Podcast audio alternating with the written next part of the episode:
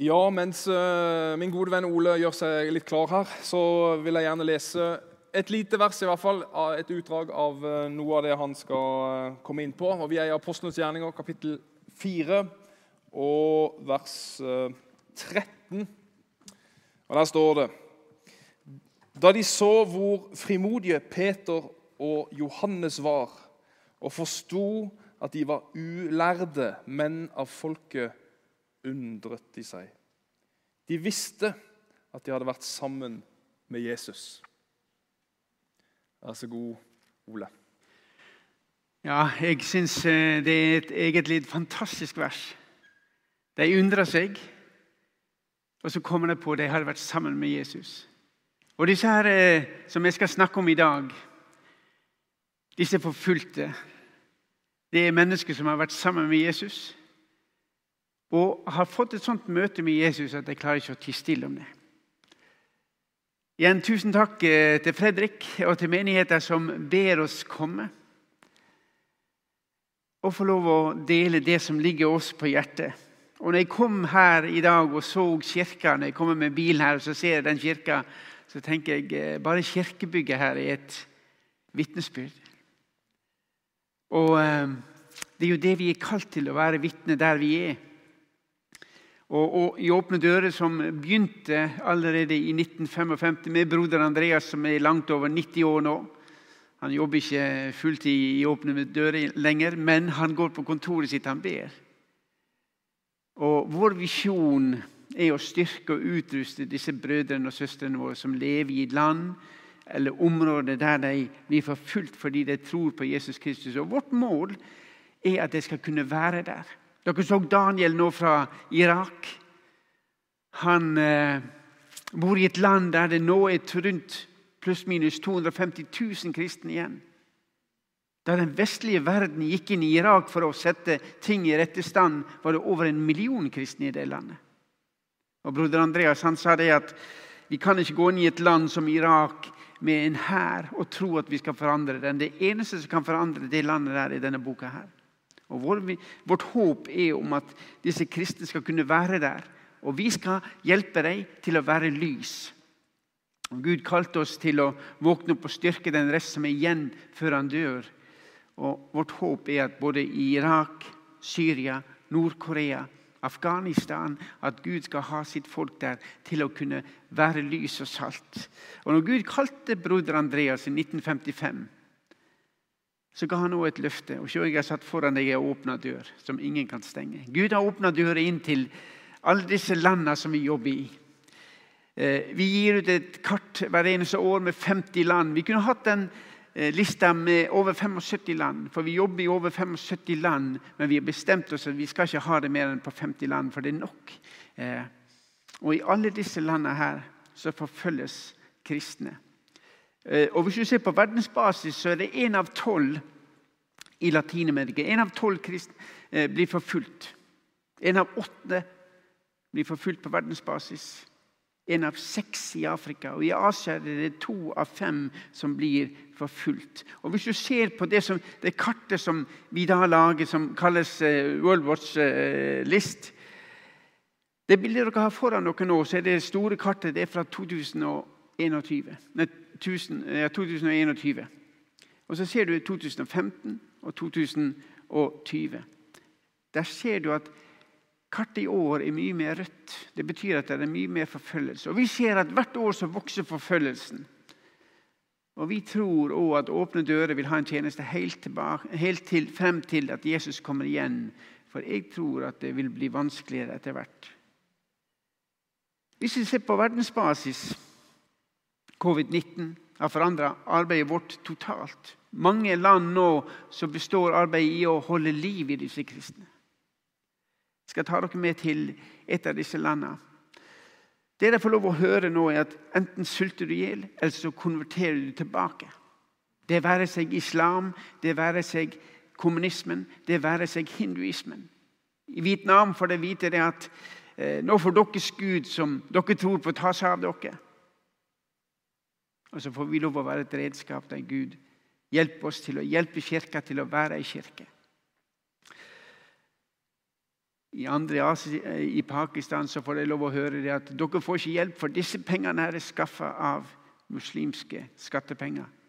Så dere får ingen hjelp. I Nord-Korea, et land med nesten 26 millioner kristne, med Kim Jong-un som er leder, der har vi 400 000 kristne. Alle de som sitter i fangeleirene i det landet, en tredjedel av de er kristne. Og De sitter der bare fordi de tror på Jesus Kristus.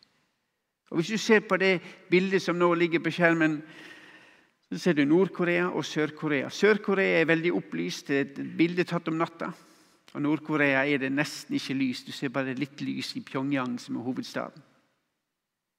Og Det er også et bilde på den åndelige situasjonen i det landet. Men det er ikke helt svart. For noen år siden så snakka vi om at det var 200 400 000 kristne. I år så snakker vi om 400 000 pluss.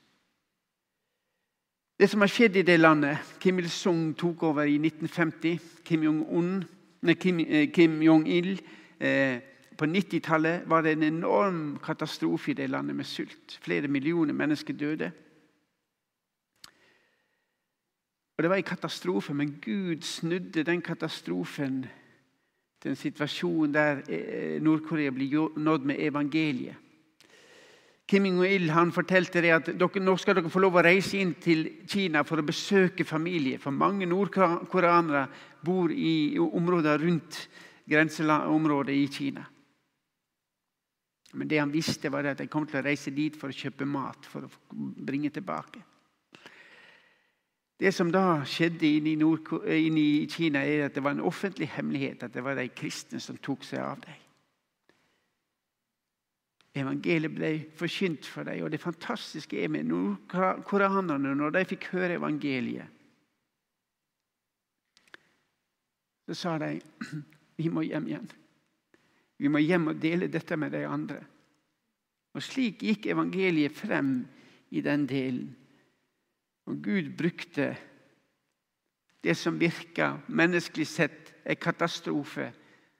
Og Gud brukte det for å nå andre. Nordkoreanerne sier har sagt bl.a.: Hvis det skal koste oss livet for å forkynne Jesus Kristus, så får det koste oss livet.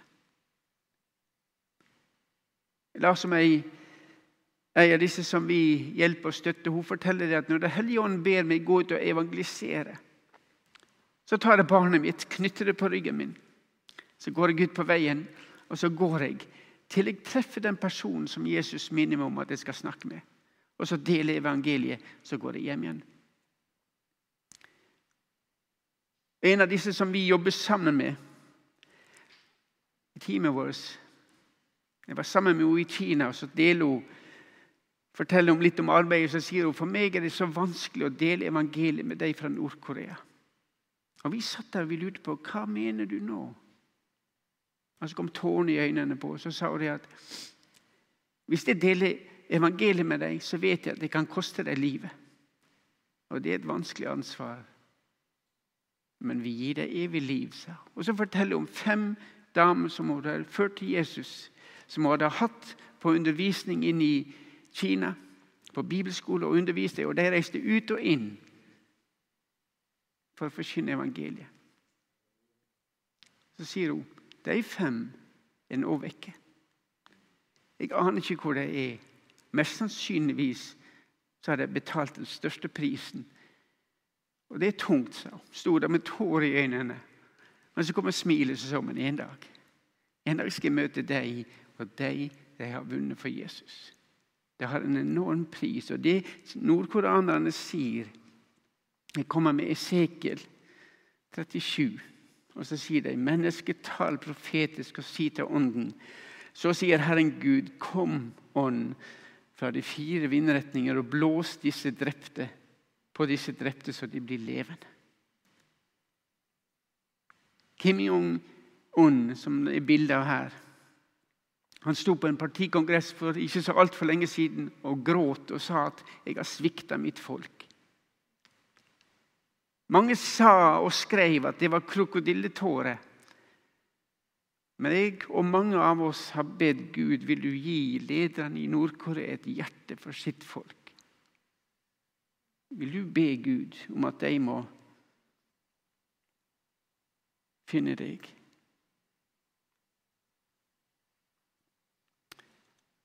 Jeg takker deg, Herre Jesus, at vi kan få lov å legge disse frem for deg.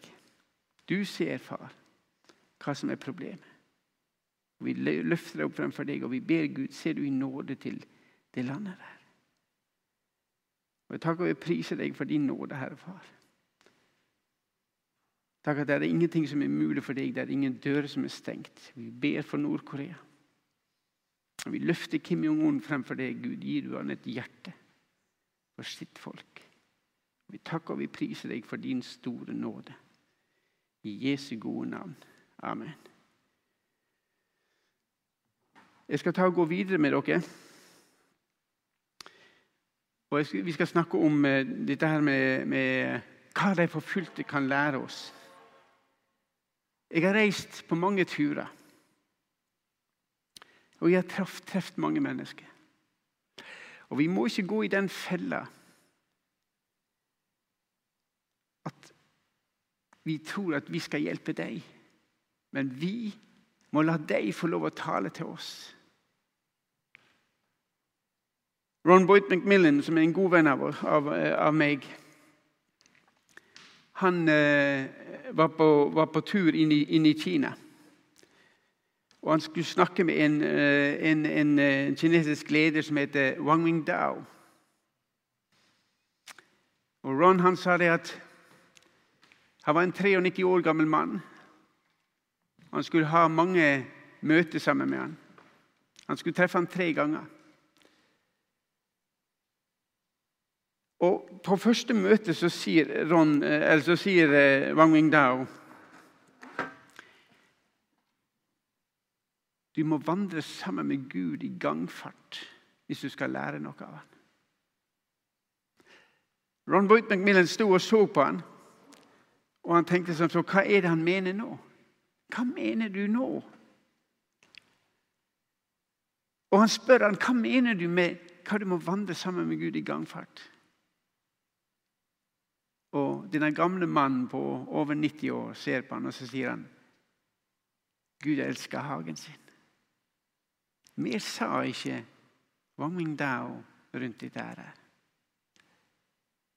Ron Boyd McMillan han sto og tenkte hva i all verden er det den gamle mannen mener? Eller er det bare et rot fra en senil gammel mann? Men så begynte han å tenke på at hva er det han har sagt? Jo, han har sagt Gud elsker hagen sin. Hvilken hage tror du da han snakka om? Og Ron begynte å tenke til, på Edens hage. Og så sier, eh, så sier eh, Ron at hver kveld så vandrer Gud i hagen. Hver aftenstund så vandrer Gud i hagen. Og den aftenstunden så gikk Adam sammen med han. Og så sier eh, Ron at ja, Gud gikk sammen med han. Hvis vi da vandrer, nei, arbeider sånn som vi bør For Adam han var satt til å jobbe i Edens hage. Men så sier han hvis vi arbeider som vi bør, men ikke vandrer som vi har muligheten til, så mister livet mening og glede. Og ingen religionsfrihet kan oppheve det. Gud ønsker at vi skal vandre sammen med ham. Vi skal jobbe for ham, men vi skal òg ha et fellesskap med ham. Han ønsker å, å, snakke med oss og ha det fellesskapet. Og jeg husker jeg var en gang på, på, på Sunnmøre og talte over dette her, at vi er så opptatt av å tjene. Mens Gud ønsker at vi skal lære han å kjenne. Og så begynte en pastor bare å gråte.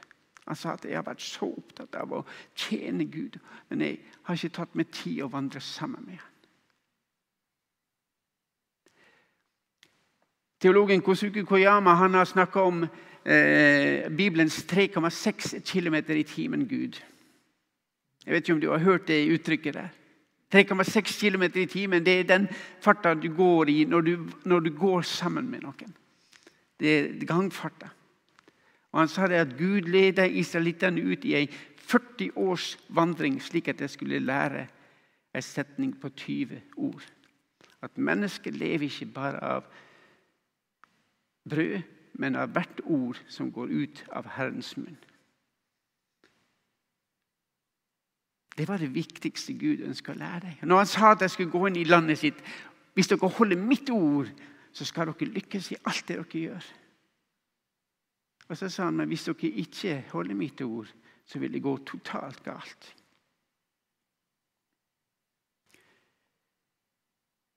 Og jeg tenker på hva har vi å lære av forfulgte kristne? Ron Boyton Macmillan sa det til Wang Mingdao. Hva kan ditt liv, du som har levd over 20 år, 23 år satt han i fengsel Hva kan ditt liv lære mitt liv? Wang Mingdao var litt forbausa når Ron spurte om det. Han ser på han, og så spør han nå når du kommer hjem igjen til England, for Ron er fra England, hva skal du gjøre? Hva slags oppgave venter på deg? Ron begynte å snakke om alle mailene han måtte skrive, alle møtene han måtte delta på, alle de bøkene han skulle skrive som han måtte gjøre ferdig, og den undervisninga han skulle gjøre på disse teologiske seminarene. Og han sa at jeg ble nesten helt svett. Så ser Wang Mingdao på han, så sier han da jeg var 60 år og så løfter han en mann som er over 90 og så sier han, da jeg var 60 år, så var jeg på toppen av min styrke. Og Jeg måtte litt spille. Jeg er 65, og jeg tror ikke jeg kan si at jeg var på toppen av min styrke når jeg var 60. Det er snakk om at jeg er 25. Men han sa når jeg var 60 år, så var jeg på toppen av min styrke. Jeg skulle skrive bøker, jeg skulle lage preik, jeg skulle reise over hele Kina og forkynne evangeliet. Da ble jeg satt i fengsel.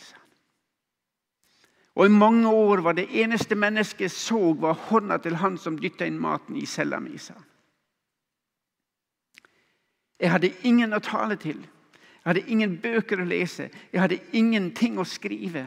Det eneste av Guds ord jeg hadde, var det jeg hadde samla i og lært utenat. I den cella der, der gjorde jeg alt. Mitt fornødne. Og, alt. og til slutt så, så jeg ikke ut. så. Jeg var, og jeg var fortvilt. Men så var Gud der, sa han. I den cella oppdaga jeg at uansett hvordan jeg ser ut, hva slags situasjon jeg er i, så er jeg elska av Gud, sa han. Og De 23 åra ville ikke jeg unnvært for alt i mitt liv. Ingenting. Ron satt og så på han. Og så sier han Du mener at jeg òg må lage meg ei celle. Og Wang Mingdao så på han, og Dere har så flotte liv i den frie verden. Dere har det så travelt. Dere har ikke tid å sette dere ned og lese Guds ord. Dere har ikke tid å lese 15 minutter per dag engang. sa han. Vet dere, Hvis vi leser denne boka 15 minutter per dag, så leser du ut fra perm til perm på et år. Broder Andreas sa det til oss som jobber i Åpne dører. Hvis ikke dere leser Guds ord eller Bibelen fra perm til perm en gang i året, så definerer dere som late kristne. Jeg har aldri glemt det. Jeg definerer dere som late kristne. Og jeg har prøvd å lese Bibelen fra til perm en gang i året. Og dere, Det er 15 minutter. Det er 1% av 24 timer i døgnet. Og hvorfor det? Jo, fordi at Åndens sverd er Guds ord. Hvis vi vil at Den hellige ånd skal jobbe i vårt liv, så må vi lese Hans ord, som er hans redskap. Og Hvordan kan vi forvente at Gud skal bruke oss hvis de ikke kjenner Hans ord? Med så mange eksempel at Gud inviterer oss med på sitt arbeid. Det var jeg som reiste til Kina for å være misjonær. og Hun sa det at jeg, jeg ba til Gud Gud, må du være med meg til Kina. Og Jeg reiste til Kina, sa hun, og etter flere år så fikk jeg et nyhetsbrev fra henne. Da hadde hun vært der i mange år. Og Så sier hun at Gud har vist meg noe annet. Da jeg reiste til Kina, så inviterte Gud til å være med på det arbeidet jeg skulle gjøre. Og så kom over Johannes 12, der Jesus sier, 'Der jeg er, skal òg min tjener være'. Og så sier dama, og så oppdaga jeg at det var jo Jesus som hadde invitert meg med på sitt arbeid. Han inviterer oss med. Men da må vi jo kjenne han. Vi må ha et fellesskap med han og la han få tale inn i vårt liv. Wang Mingdao hadde et kall over livet sitt. Disse forfulgte kristne i Nord-Korea opplever et kall, at Gud har kalt dem. Men hva er det som gjør at de holder ut? Jeg har lyst til å bare nevne den teksten som, som Fredrik la oss her i stad. De kjente de at de hadde vært sammen med Jesus. Det var en menighet som med, i, i, USA som snakka med broder Andreas. og Så sier de at vår menighet er som, apostel, som gjerning, menighet i apostlenes gjerninger. Å, sa broder Andreas. Hvorfor sier dere det? Jo, fordi at vi deler ut gaver, og vi er godt likt i samfunnet her vi bor. Så så broder Andreas på det, så sa de, 'Blir dere forfulgt?' Nei, nei, vi blir godt likt, sa de. Ja, hvis ikke dere er forfulgt, så vær så snill å ikke sammenligne dere med apostelgjerningens tid. fordi allerede fra syvende kapittel så kommer forfølgelsen. Og Hvorfor kommer forfølgelsen? Jo, fordi at 5000 mennesker i løpet av kort tid hadde fått en relasjon med Jesus. Og når mennesker får en relasjon med Jesus, da blir det bråk. Om du er i den frie verden, eller om du er i den verden der det blir forfølgelse. Men hvordan holder da folk ut? Oppi det vanskelige. Hvordan holdt Wang Mingdao ut? Hva var hans kall? Og jeg spør av og til hvordan kan vi definere kallet vårt som kristne. Noen kommer med misjonsbefalinger. Gå derfor ut. Det er ikke et kall, det er en befaling fra vår Herre og Mester. Men jeg personlig, hvis jeg skal definere mitt kall, eller vårt kall som kristne, så tenker jeg på første kor 1.9. Gud er trofast.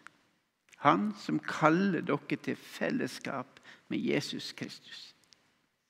Fellesskap med Jesus Kristus. Wang Dao ble satt i en celle i 23 år. Og Han sier til oss dere må finne dere en plass. slik at Dere må lage dere celler slik at det som forfølgelsen gjorde med meg, det må dere finne dere en plass som blir ei celle for dere. Der dere får lov å være stille sammen med Gud. At dere får lov å erfare det fellesskapet der du elsker. Vi vet veldig mye.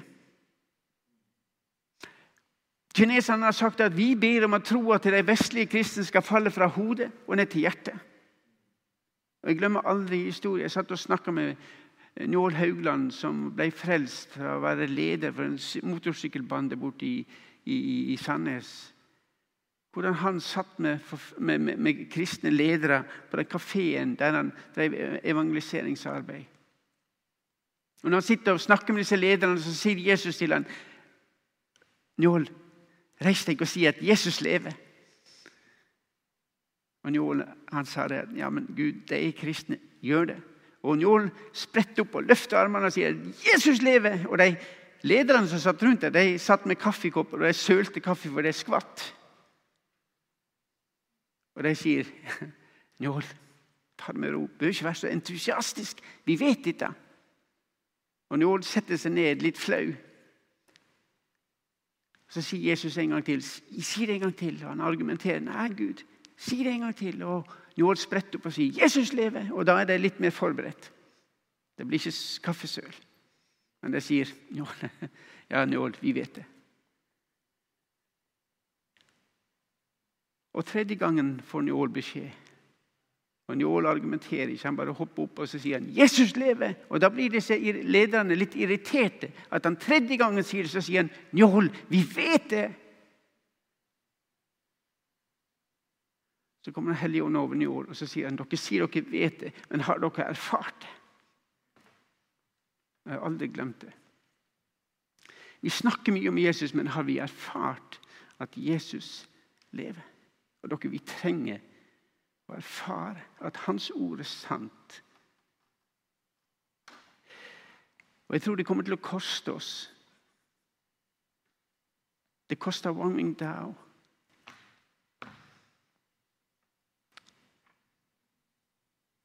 Og bror Andreas han møtte et bibelvers i 1974 for første gang som han aldri hadde sett. Han var i Budapest og skulle tale til ledere. Og Det var én leder fra Romania som ikke kom, for Budapest var det området det var lettest å samle kristenlederne fra, fra, eh, fra Øst-Europa. Det var En pastor fra Romania han satt i fengsel. Han ble løslatt slik at han kunne komme opp og være med siste dagen. Og Så sier, blir han sittende og snakke med broder Andreas, og så sier han Hvor mange kristne sitter i fengsel i Nederland? Ingen, sa I Nederland har vi full frihet til å forkynne evangeliet, til å trykke så mye bibler og bygge kirke som, som, hvis de har råd. Men Presten sitter og ser på han, og så rister han bare på hodet og sier ja, men hva gjør dere kristne i, i, i Nederland med 2. Eh, Timotius 3,12? Og Bror Andreas ante ikke hva som sto der. Han slår opp og så leser han, alle som vil leve et gudfryktig liv i Kristus Jesus, skal bli forfulgt. Broder Andreas han ser på den teksten og så sier han, denne, det verset her det gjelder bare dere i Øst-Europa. Det gjelder ikke oss i Nederland. Hørte du ikke hva jeg sa? Vi har full frihet. Presten han står og rister fortsatt på hodet. Han sa at du må lese det en gang til. Og Broder Andreas begynner å lese, han ser på teksten og så sier han, alle som vil leve et gudfryktig liv i Kristus Jesus. Det vil jeg, sa han. Hvorfor da ikke det siste?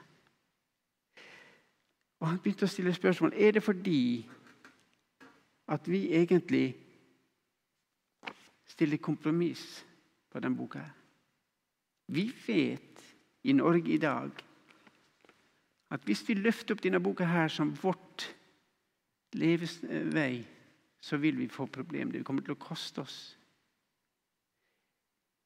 I den vestlige verden så har vi en eller Vi definerer forfølgelse på, på, på, med åtte forskjellige definisjoner i Åpne dører.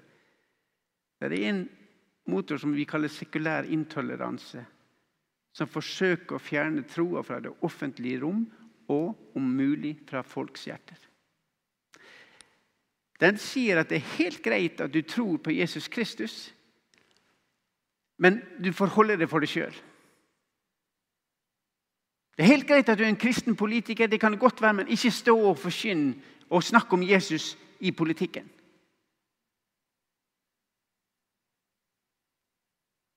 Og dere, oss, det, For oss kristne det passer oss farlig godt.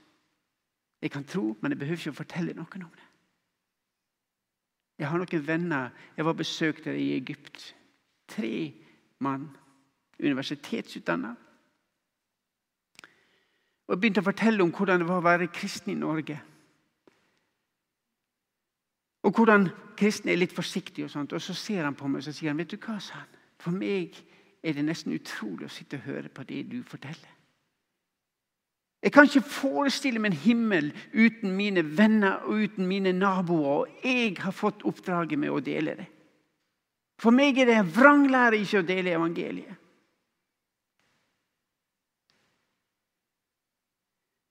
Ser du nå hvor mye vi har å lære av deg? Jeg var i Egypt på begynnelsen av 2000-tallet. traff en gammel evangelist og så fortalte til han, vi i Norge ber for dere her i, i, i Egypt. Mange tusen i Norge som ber. Så smiler han. Og så sier han, 'Kan du hilse tilbake?' sa han. Han sier at vi ber for dere òg. Og dere i den frie verden trenger vår forbønn mye mer enn vi trenger deres. Så så jeg på han så sier jeg, 'Det må du forklare.' Ja. Så sier han ja, vår forfølgelse gjør at vi blir ført nærmere til Gud, for vi er avhengige av han. Mens deres frihet drar dere vekk, for dere tror dere kan klare dere uten han. Men vi har ikke en kamp mot kjøtt og blod, står det.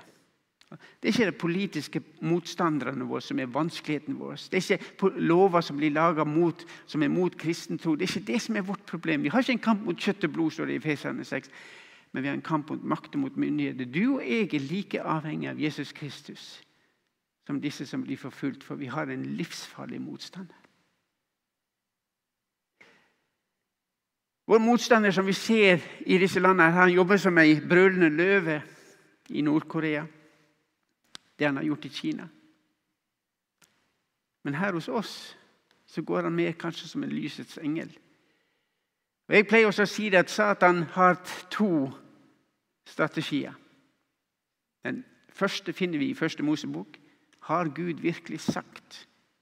Som er forførelsen. Og Hvis ikke forførelsen fører frem, så kommer forfølgelsen.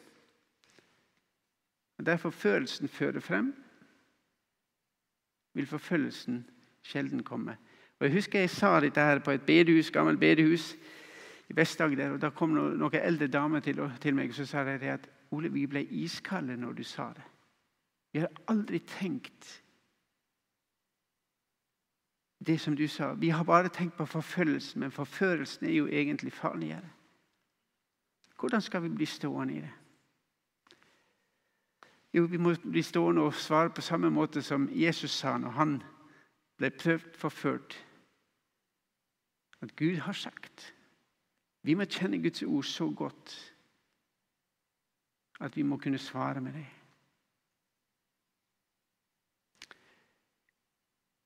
Og dette her med å reise i den forfulgte verden Noen sier til oss dere som reiser i den forfulgte verden, blir ikke dere veldig deprimerte?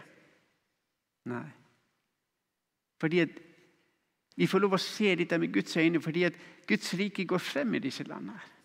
Det er en grunn til forfølgelsen. Det er et folk som tør å stå opp og forsyne en Jesus Kristus som har forandret deres liv, og som kan gi et helt nytt liv. Så Guds rike går frem her. Og så blir det kanskje slik at vi føler oss Ja, jeg er ikke noe forkynner. Jeg er ikke en som går på dørene og evangeliserer. Kanskje sånn som Roger, som forteller. Og så stiller vi oss på sida og sier at ja, mm, jeg, jeg, kan ikke få til dette. her. Hvis du føler det slik, så har jeg lyst til å gi deg et bilde på Michelangelo. Michelangelo var en av de flotteste kunstnerne som var på denne jorda. her. Han ønska å vise verden at 'jeg er best'. Og hva gjorde han? Han gikk ned på det marmorlageret. Og Så sier han til han som jobber på marmorlageret, at 'jeg skal ha det dårligste emnet som du har liggende her'. Det som ingen vil bruke, det vil jeg kjøpe med deg. Kan du frakte det til mitt atelier? Og Så fant den mannen som hadde lageret, ei blokk som hadde lagt der i 50 år dårligste emnet han hadde, ble frakta til Michelangelo sitt atelier. Og med det dårlige emnet så lager Michelangelo David-statuen, som er et masterpiece. Da jeg hørte den historien, så tenker jeg kanskje jeg er et dårlig emne. Men hvis jeg får lov å legge meg i Guds hånd, han som er mesteren. Så kan han få ta vekk det som ikke hører til, det som ikke var tenkt i mitt liv. Og så vil et mesterstykke komme frem. Det står det i Jesajas 55 at mitt ord skal ikke vende tomt tilbake til meg, men fullføre det jeg vil. Og Istedenfor tornekratt skal det vokse opp sypresser. Istedenfor nesle skal det vokse opp myrter. Dere, Det finnes tornekratt i mitt liv. Det finnes nesle. Men når Guds ord får lov å komme inn, og han får lov å handle med oss gjennom sin Hellige Ånd, så kan det bli forvandla. Han rykker det ikke opp med rot, men han forvandler det til noe som blir til glede for andre. Så Hvis du sitter der ute nå og sier at jeg er en, en, en, en person som ikke betyr så mye i Guds rike Det er ikke sant. Bare du kan fylle din plass. Men da må du legge deg i Guds hånd. Og så kan du være et dårlig emne. Det kan godt være sant, det. Men når du ligger i hendene til vår Herre som en mester, så det ut masterpiece. Og Jesus han forteller lignelsen i Matteus om han som leter etter ei vakker perle. Kjøpmannen som leter etter vakre perler. Og når han fant en, en vakker perle, så gikk han bort og solgte alt og kjøpte den ene.